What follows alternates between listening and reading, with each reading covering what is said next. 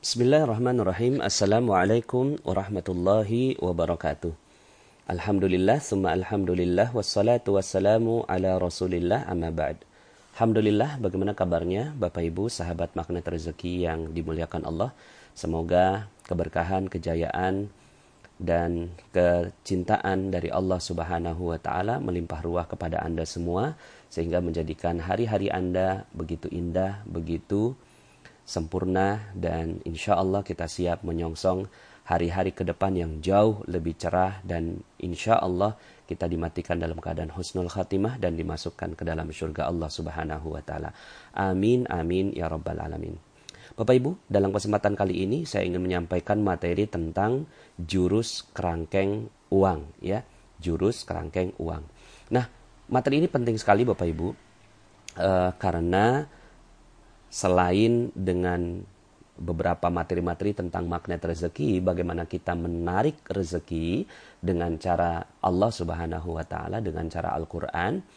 Uh, kita juga ingin melihat bagaimana Allah Subhanahu wa taala mengatur bagaimana keuangan itu dirapihkan dengan uh, begitu baik ya karena ada banyak syariat di dalam uh, Islam yang mengatur tentang keuangan ya. Dan ini yang akan uh, beberapa uh, sesi ke depan saya ingin sharing kepada anda ya. Uh, salah satunya adalah bagaimana kita mengkerangkeng uang kita ya. Jadi bagaimana kita mengkerangkeng uang kita bapak ibu. Nah uh, kerangkeng uang ini Allah sendiri loh yang mengajarkan di dalam Al-Quran gitu ya. Jadi Allah meminta kita untuk mengkerangkeng uang. Karena uang itu ibarat hewan peliharaan ya. Hewan peliharaan yang buas Bapak Ibu ya, yang liar gitu ya. Jadi kalau seandainya Anda punya hewan peliharaan lalu kemudian nggak dijaga itu udah pasti hilang Bapak Ibu ya. Jadi yang namanya hewan peliharaan mau apa itu dia kambing, ayam ya, kemudian sapi. Kalau Anda tidak buat pagarnya, Anda tidak buat kerangkengnya, Anda tidak atur ya bagaimana uh, hewan peliharaan itu hidup dan seterusnya, yang terjadi adalah hewan itu kabur dan hilang. Yang sering terjadi pada kita kebanyakannya adalah karena selain dia tidak menjadi magnet bagi rezeki ya. Dia juga uh, bukannya rezeki itu terkumpul malah hilang gitu ya. Makanya banyak di antara kita kok uang saya nggak kekumpul ya? Gitu ya kok uh, rezeki saya ini kok nggak kelihatan bentuknya ya? Karena bisa jadi kita tidak mengkerangkeng uang kita ya. Maka hukum kerangkeng uang di dalam Al-Quran sedikitnya saya nukilkan dalam dua ayat ya. Dalam dua ayat Allah Subhanahu wa taala itu berfirman dalam surat Al-Furqan ayat 67. Ya, e, bunyinya demikian ini ketika menjelaskan tentang ciri-ciri ibadur rahman atau hamba-hamba Allah yang maha kasih ya. Uh, di dalam ayat yang ke-67-nya disebutkan cirinya auzubillahi minasyaitonirrajim walladzina idza anfaqu lam yusrifu wa lam yaqturu wa kana baina dzalika qawama dan orang-orang yang apabila membelanjakan harta, mereka tidak berlebih-lebihan dan tidak pula kikir, ya. Dan adalah pembelanjaan itu di tengah-tengah antara yang demikian itu, ya. Artinya apa? Allah menginginkan agar kita ini betul-betul smart, cerdas dalam urusan harta, ya. Jadi Islam nggak melulu ya berbicara tentang kita masuk surga, alam barzah, alam mahsyar, enggak tapi Islam juga mengatur bagaimana keuangan itu dirapihkan gitu ya. Jadi Allah menginginkan kita ini tidak berlebih-lebihan dalam membelanjakan membelanjakan harta. Kenyataannya di lapangan ada banyak sekali orang yang berlebihan di dalam membelanjakan hartanya. Bahkan di dalam ayat yang lain dalam surat Al-Isra ya, dalam surat Al-Isra itu Allah mengancam ya akan menghancurkan rezeki bagi mereka-mereka yang punya ciri ini Bapak Ibu. Jadi hati-hati kalau seandainya Anda udah melakukan semua apa-apa yang saya sampaikan dalam audio saya nomor 1 sampai nomor 22. Kayaknya hidup udah bagus banget, udah rapi, betul ya. Kita coba ya, walaupun saatnya, kalaupun belum rapi, Anda mengalami detox rezeki gitu ya dalam rezeki Anda. Oke, nggak apa-apa, sabar aja. Sedang proses detox kok begitu ya. Nah, mungkin dalam proses detox yang perlu Anda lakukan adalah selain dosa-dosa Anda ya, dosa-dosa kita semua, saya juga punya banyak dosa Bapak Ibu ya. Selain dosa-dosa yang kita lakukan seperti yang saya sampaikan dalam materi perisai rezeki, kita juga perlu melihat faktor-faktor yang lain. Jangan-jangan ketika kita menggunakan harta kita itu kita berteman dengan energi tidak baik yaitu syaitan gitu ya Allah sendiri yang di dalam Al-Qur'an menyebutkan dalam surat Al-Isra ayat 27 innal mubadzirina kanu ikhwana syayatin wa kana syaitanu lirabbihi kafura. Sesungguhnya pemboros-pemboros itu adalah saudara-saudaranya syaitan gitu ya. Jadi pemboros-pemboros itu saudaranya syaitan. Nah bisa jadi nih ya kita udah jadi magnet rezeki tapi malah hilang semua rezekinya. Karena ternyata kita menjadi orang-orang yang mubazir. Karena orang-orang yang mubazir ini, pemboros-pemboros ini, kanu ikhwana syayatin. Saudara. Ya, artinya saudara ini ikhwana syayatin. Uh, dekat sekali Bapak Ibu ya. Jadi Allah menggambarkan tentang ikhwan ya di dalam Al-Qur'an itu innamal mu'minuna ikhwatun Ya, sesungguhnya orang-orang yang beriman itu saling bersaudara. Lah, itu orang-orang yang beriman disebut saling bersaudara, artinya dekat sekali. Tapi orang-orang yang mubazir itu saudaranya sama setan gitu. Masya Allah kan Bapak Ibu ya. Jadi ternyata ya kan rezeki itu energi baik. Hanya bisa datang kepada yang energinya baik. Ketika gitu ya, kitanya ini sebagai temannya setan, setan ini energi yang gak baik gitu ya. Maka rezeki itu akan hilang juga dengan sendirinya. Jadi kita mencoba berusaha menjadi magnet rezeki dengan uh, amalan-amalan uh, yang kita lakukan lah gitu ya. Dengan berbagai macam amalan gitu ya yang sudah saya sampaikan dalam materi-materi sebelumnya. Tapi kemudian tiba-tiba kita mengusir semua rezeki itu dengan sifat pemboros Bapak Ibu. Dengan mubaz mubazir gitu ya. Innal wa kana syaitanu li rabbih kafura. Sesungguhnya syaitan itu sangat sangat sangat ingkar kepada Tuhannya ya. Jadi Allah nggak suka banget. Ketika Allah nggak suka sama syaitan berarti Allah nggak suka sama temannya setan. Siapa temannya setan? Para orang-orang yang mubazir. Nah sebelumnya itu dalam ayat yang sebelumnya itu Allah sebutkan gitu ya. Kenapa sih uh, Allah sebutkan tentang pemboros ini? Karena kadang-kadang begini Bapak Ibu, kita ini nggak adil dalam menempatkan rezeki. Yang sepatutnya kita tidak keluarkan, kita keluarkan. Yang sepatutnya kita tahan, gitu ya, tidak kita tahan.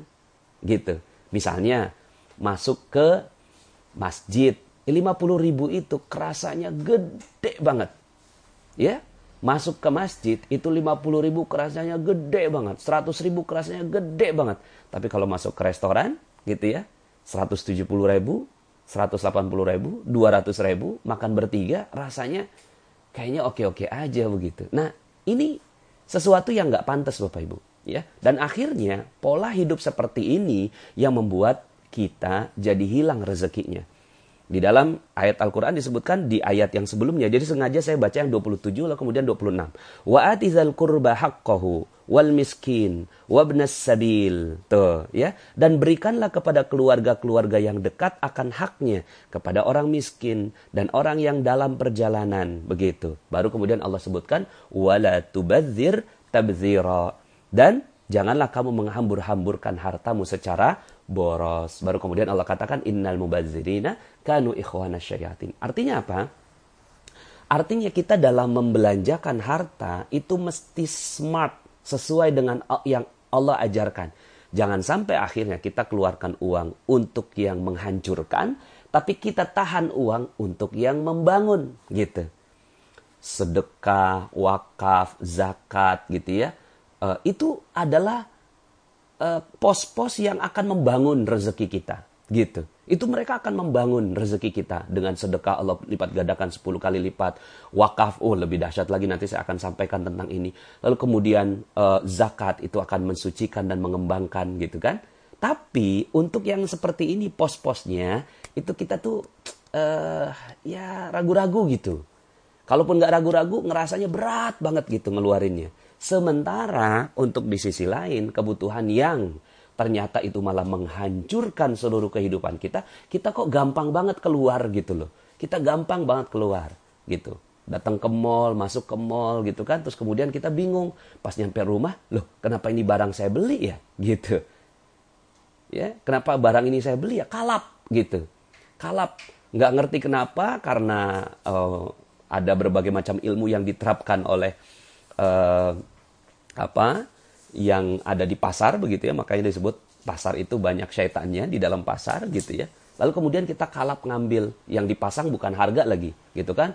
Baju new arrival atau new uh, new arrival ya uh, datang baru gitu kan. RP 300 ribu enggak Bapak Ibu. Tapi di situ sebut new arrival diskon 70% gitu. Akhirnya kita kalap ngelihat diskonnya 70% padahal harganya udah dinaikkan lalu kemudian dibikin diskon.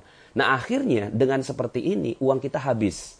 Dan ini bukan cuma sekedar pelajaran manajemen tapi pelajaran rezeki Bapak Ibu. Ketika kita tidak mampu mengelola yang seperti ini, maka akhir yang terjadi adalah kita nggak balance dalam mengelola rezeki kita. Ya, oke. Jadi saya uh, sampaikan bahwa ada dalilnya dan kuat sekali di dalam Al-Quran agar kita mengkerangkeng uang kita. Nah, sekarang saya akan jelaskan tentang 10 hukum kerangkeng uang. Ini saya bersyukur sekali oleh uh, saya dapatkan inspirasi ini dari guru saya Ustadz Samsul Arifin yang menyampaikan tentang materi ini ya. Oke Bapak Ibu, siap ya? Ada 10 hukum dari kerangkeng uang ya bahwa Anda harus menggunakan 10 poin ini untuk membuat rezeki Anda terjaga. Ya, sekali lagi bahwa rezeki itu seperti hewan peliharaan, kalau nggak dijaga dia hilang. Yang pertama, ketika Anda datang ke mall, ke pasar, ke keramaian dan seterusnya, ya, maka Anda biasanya tertarik untuk membeli segala sesuatu. Dan para produsen biasanya menggunakan ilmu yang namanya hypno selling dia menghipnosis Anda, ya, menghipnosis Anda sampai akhirnya Anda kalap, ya, terhipnosis dan akhirnya Anda membeli barang itu padahal ternyata barang itu nggak dibutuhkan. Maka untuk memecahkan sihir itu, memecahkan sihir dari pasar itu, ya, Anda harus memecahkan Bapak Ibu. Itu hipnosis namanya. Hipnosis. Hypno selling Bapak Ibu. Hancurkan. Dengan apa dihancurkannya? Dengan 10 pertanyaan utama. Setiap Anda mau membelanjakan segala sesuatu, Anda harus tanyakan 10 hal ini. Yang pertama, apakah sudah ada rencananya? Gitu. Yang pertama, pertanyaan pertama, apakah sudah ada rencananya? Contoh, misalnya Anda datang ke mall, terus kemudian ada orang yang menjual uh, apa namanya alat penyedot debu, gitu ya, alat penyedot debu. Kemudian dia bilang, wah penyedot debu ini keren banget karena dia punya kekuatan sampai bisa menghisap gajah begitu ya. Misalnya gitu. Terus kemudian dia uh, berikan, oh ini kok gampang kok ini uh, bisa apa namanya dibayar uh, cicil gitu ya. Terus kemudian, oh ini ada diskonnya, ada ini dan seterusnya. Kemudian akhirnya Anda uh, terpengaruh. Langsung tanyakan yang pertama. Apakah sudah ada rencananya? Kalau belum ada rencananya, langsung Bapak Ibu pecahkan sihirnya, gitu kan? Pecahkan sihirnya langsung jangan dibeli Bapak Ibu ya. Apakah sudah ada rencananya? Belum ada kok rencananya, gitu ya. Anda belum pernah merencanakan bahwa Anda membeli penyedot debu, gitu ya. Kecuali kalau Anda sudah rencanakan, gitu ya. Jadi kalau Anda sudah rencanakan, tanya ke pertanyaan kedua. Jadi pertanyaan pertama, apakah sudah ada rencana? Kalau belum ada rencana, jangan dibeli. Kalau sudah ada rencana, uh, masuk ke poin nomor dua. Yang kedua, apakah ada uang tunainya? Apakah ada uang tunainya? Gitu. Jadi ketika Anda beli, ada ditawarkan sesuatu, ya. Pertama, uh, udah rencana belum? Ih, udah ada. Memang memang emang uh, lagi beli nih, lagi butuh penyedot debu gitu kan. Kemudian yang kedua, apakah ada uang tunainya? Gitu, ya. Jadi kalau seandainya harganya berapa, Mas? harganya ini satu juta setengah gitu. Bisa dicicil kok bu gitu kan. Bisa dicicil 15 bulan ya. Sebulan 500 ribu. Kan gampang bapak ya. Kan gampang bu ya gitu. 0% kok pakai kartu kredit apa aja gitu. Bapak ibu tanyakan yang pertama ini apakah ada cashnya. Kalau nggak ada cashnya jangan dibeli bapak ibu. Ya. Kenapa? Karena penelitian membuktikan bahwa orang yang membeli dengan cara kredit itu tidak punya rasa bersalah. Gitu. Orang yang membeli dengan cara kredit itu tidak punya rasa bersalah. Ya, dia pandangnya ah gampang cuma 100 ribu gitu kan. Tapi coba 100 ribu dikali 100 barang Bapak Ibu. Udah 10 juta gitu ya. Sebulan gitu. Nah Anda nggak pernah ngerti tentang itu. Nah ini ada sihirnya di sini ya. Ada mantra di sini ya. Makanya kalau seandainya ini yang kedua nih. Kalau nggak ada cashnya lebih baik Anda tidak membeli barang tersebut. Gitu Bapak Ibu ya. Jadi kalau nggak ada cashnya, jangan dibeli, gitu.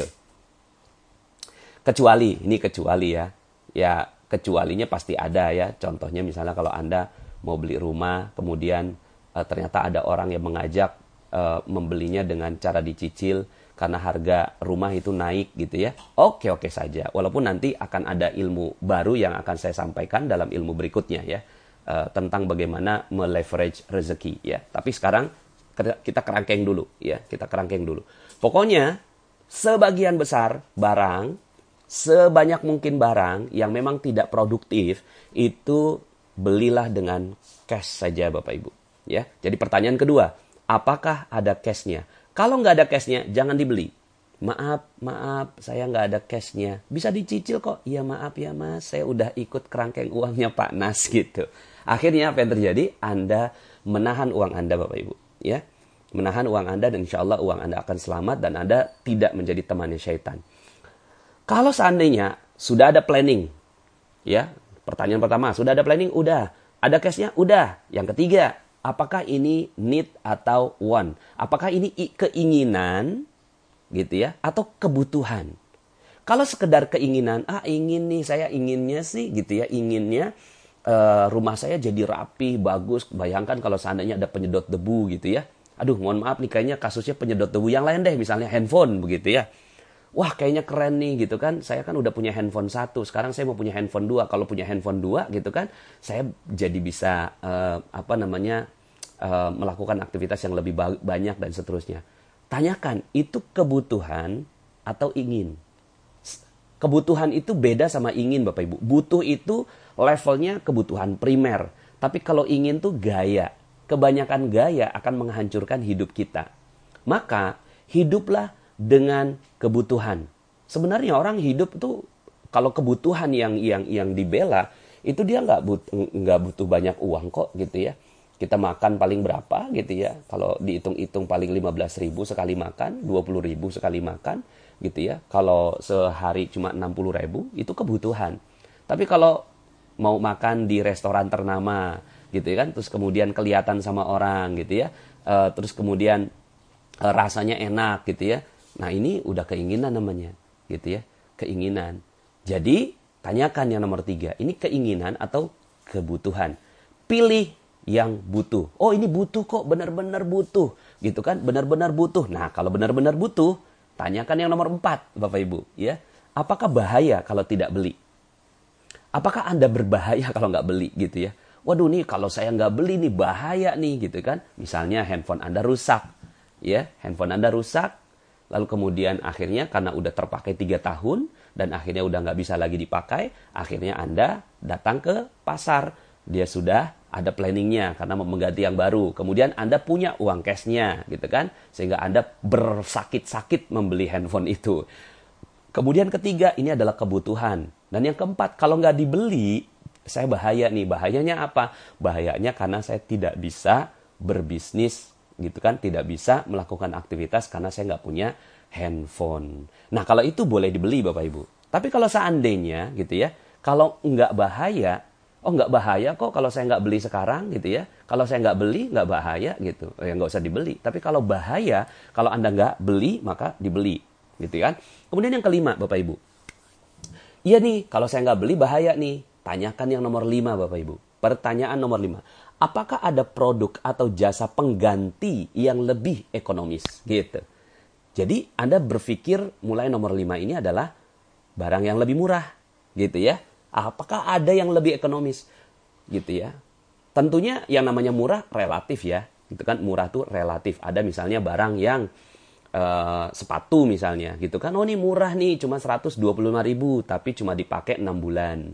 Tapi ada uh, sepatu yang harganya gitu ya 500 ribu tapi dipakainya 4 tahun. Nah berarti lebih silakan dipilih-pilih gitu kan. Yang mana yang lebih ekonomis? Yang nomor 5 gitu kan. Apakah ada yang jauh lebih ekonomis? Oke, ternyata ini sudah ekonomis gitu kan. Nomor 6 gitu kan.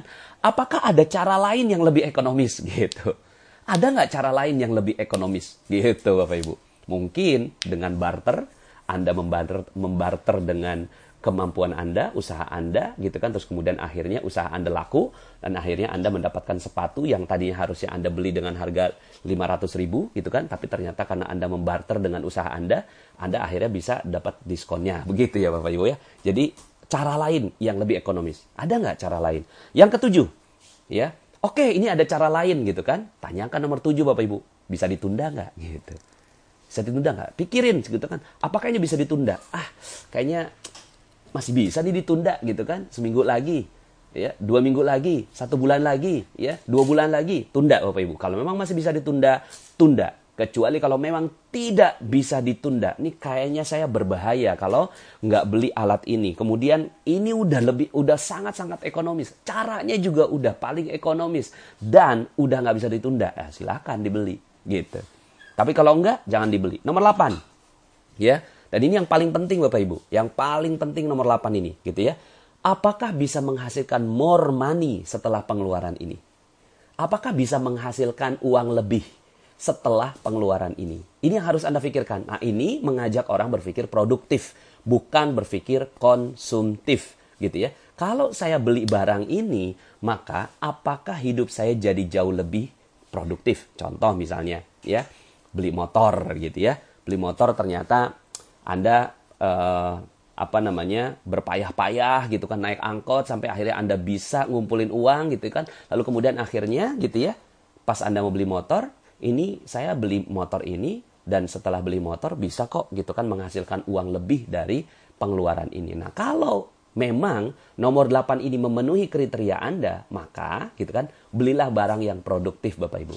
Termasuk yang produktif misalnya ya apakah kalau seandainya beli AC gitu ya uh, jauh lebih produktif, bangun lebih segar. Ya kalau memang itu kebutuhan Anda, it's okay. Maka setiap orang kebutuhannya berbeda. Ada yang butuh AC, ada yang butuh cuma kipas angin gitu kan. Tapi yang jelas, apakah kipas angin itu gitu ya uh, lebih produktif gitu, menghasilkan more money atau menghasilkan lebih banyak sakit. Misalnya orang yang sudah terbiasa hidup di AC, kemudian ternyata dia uh, beli kipas angin untuk menghemat, malah ternyata setelah itu sakit. Nah ini malah jadi nggak bagus juga. Artinya apa?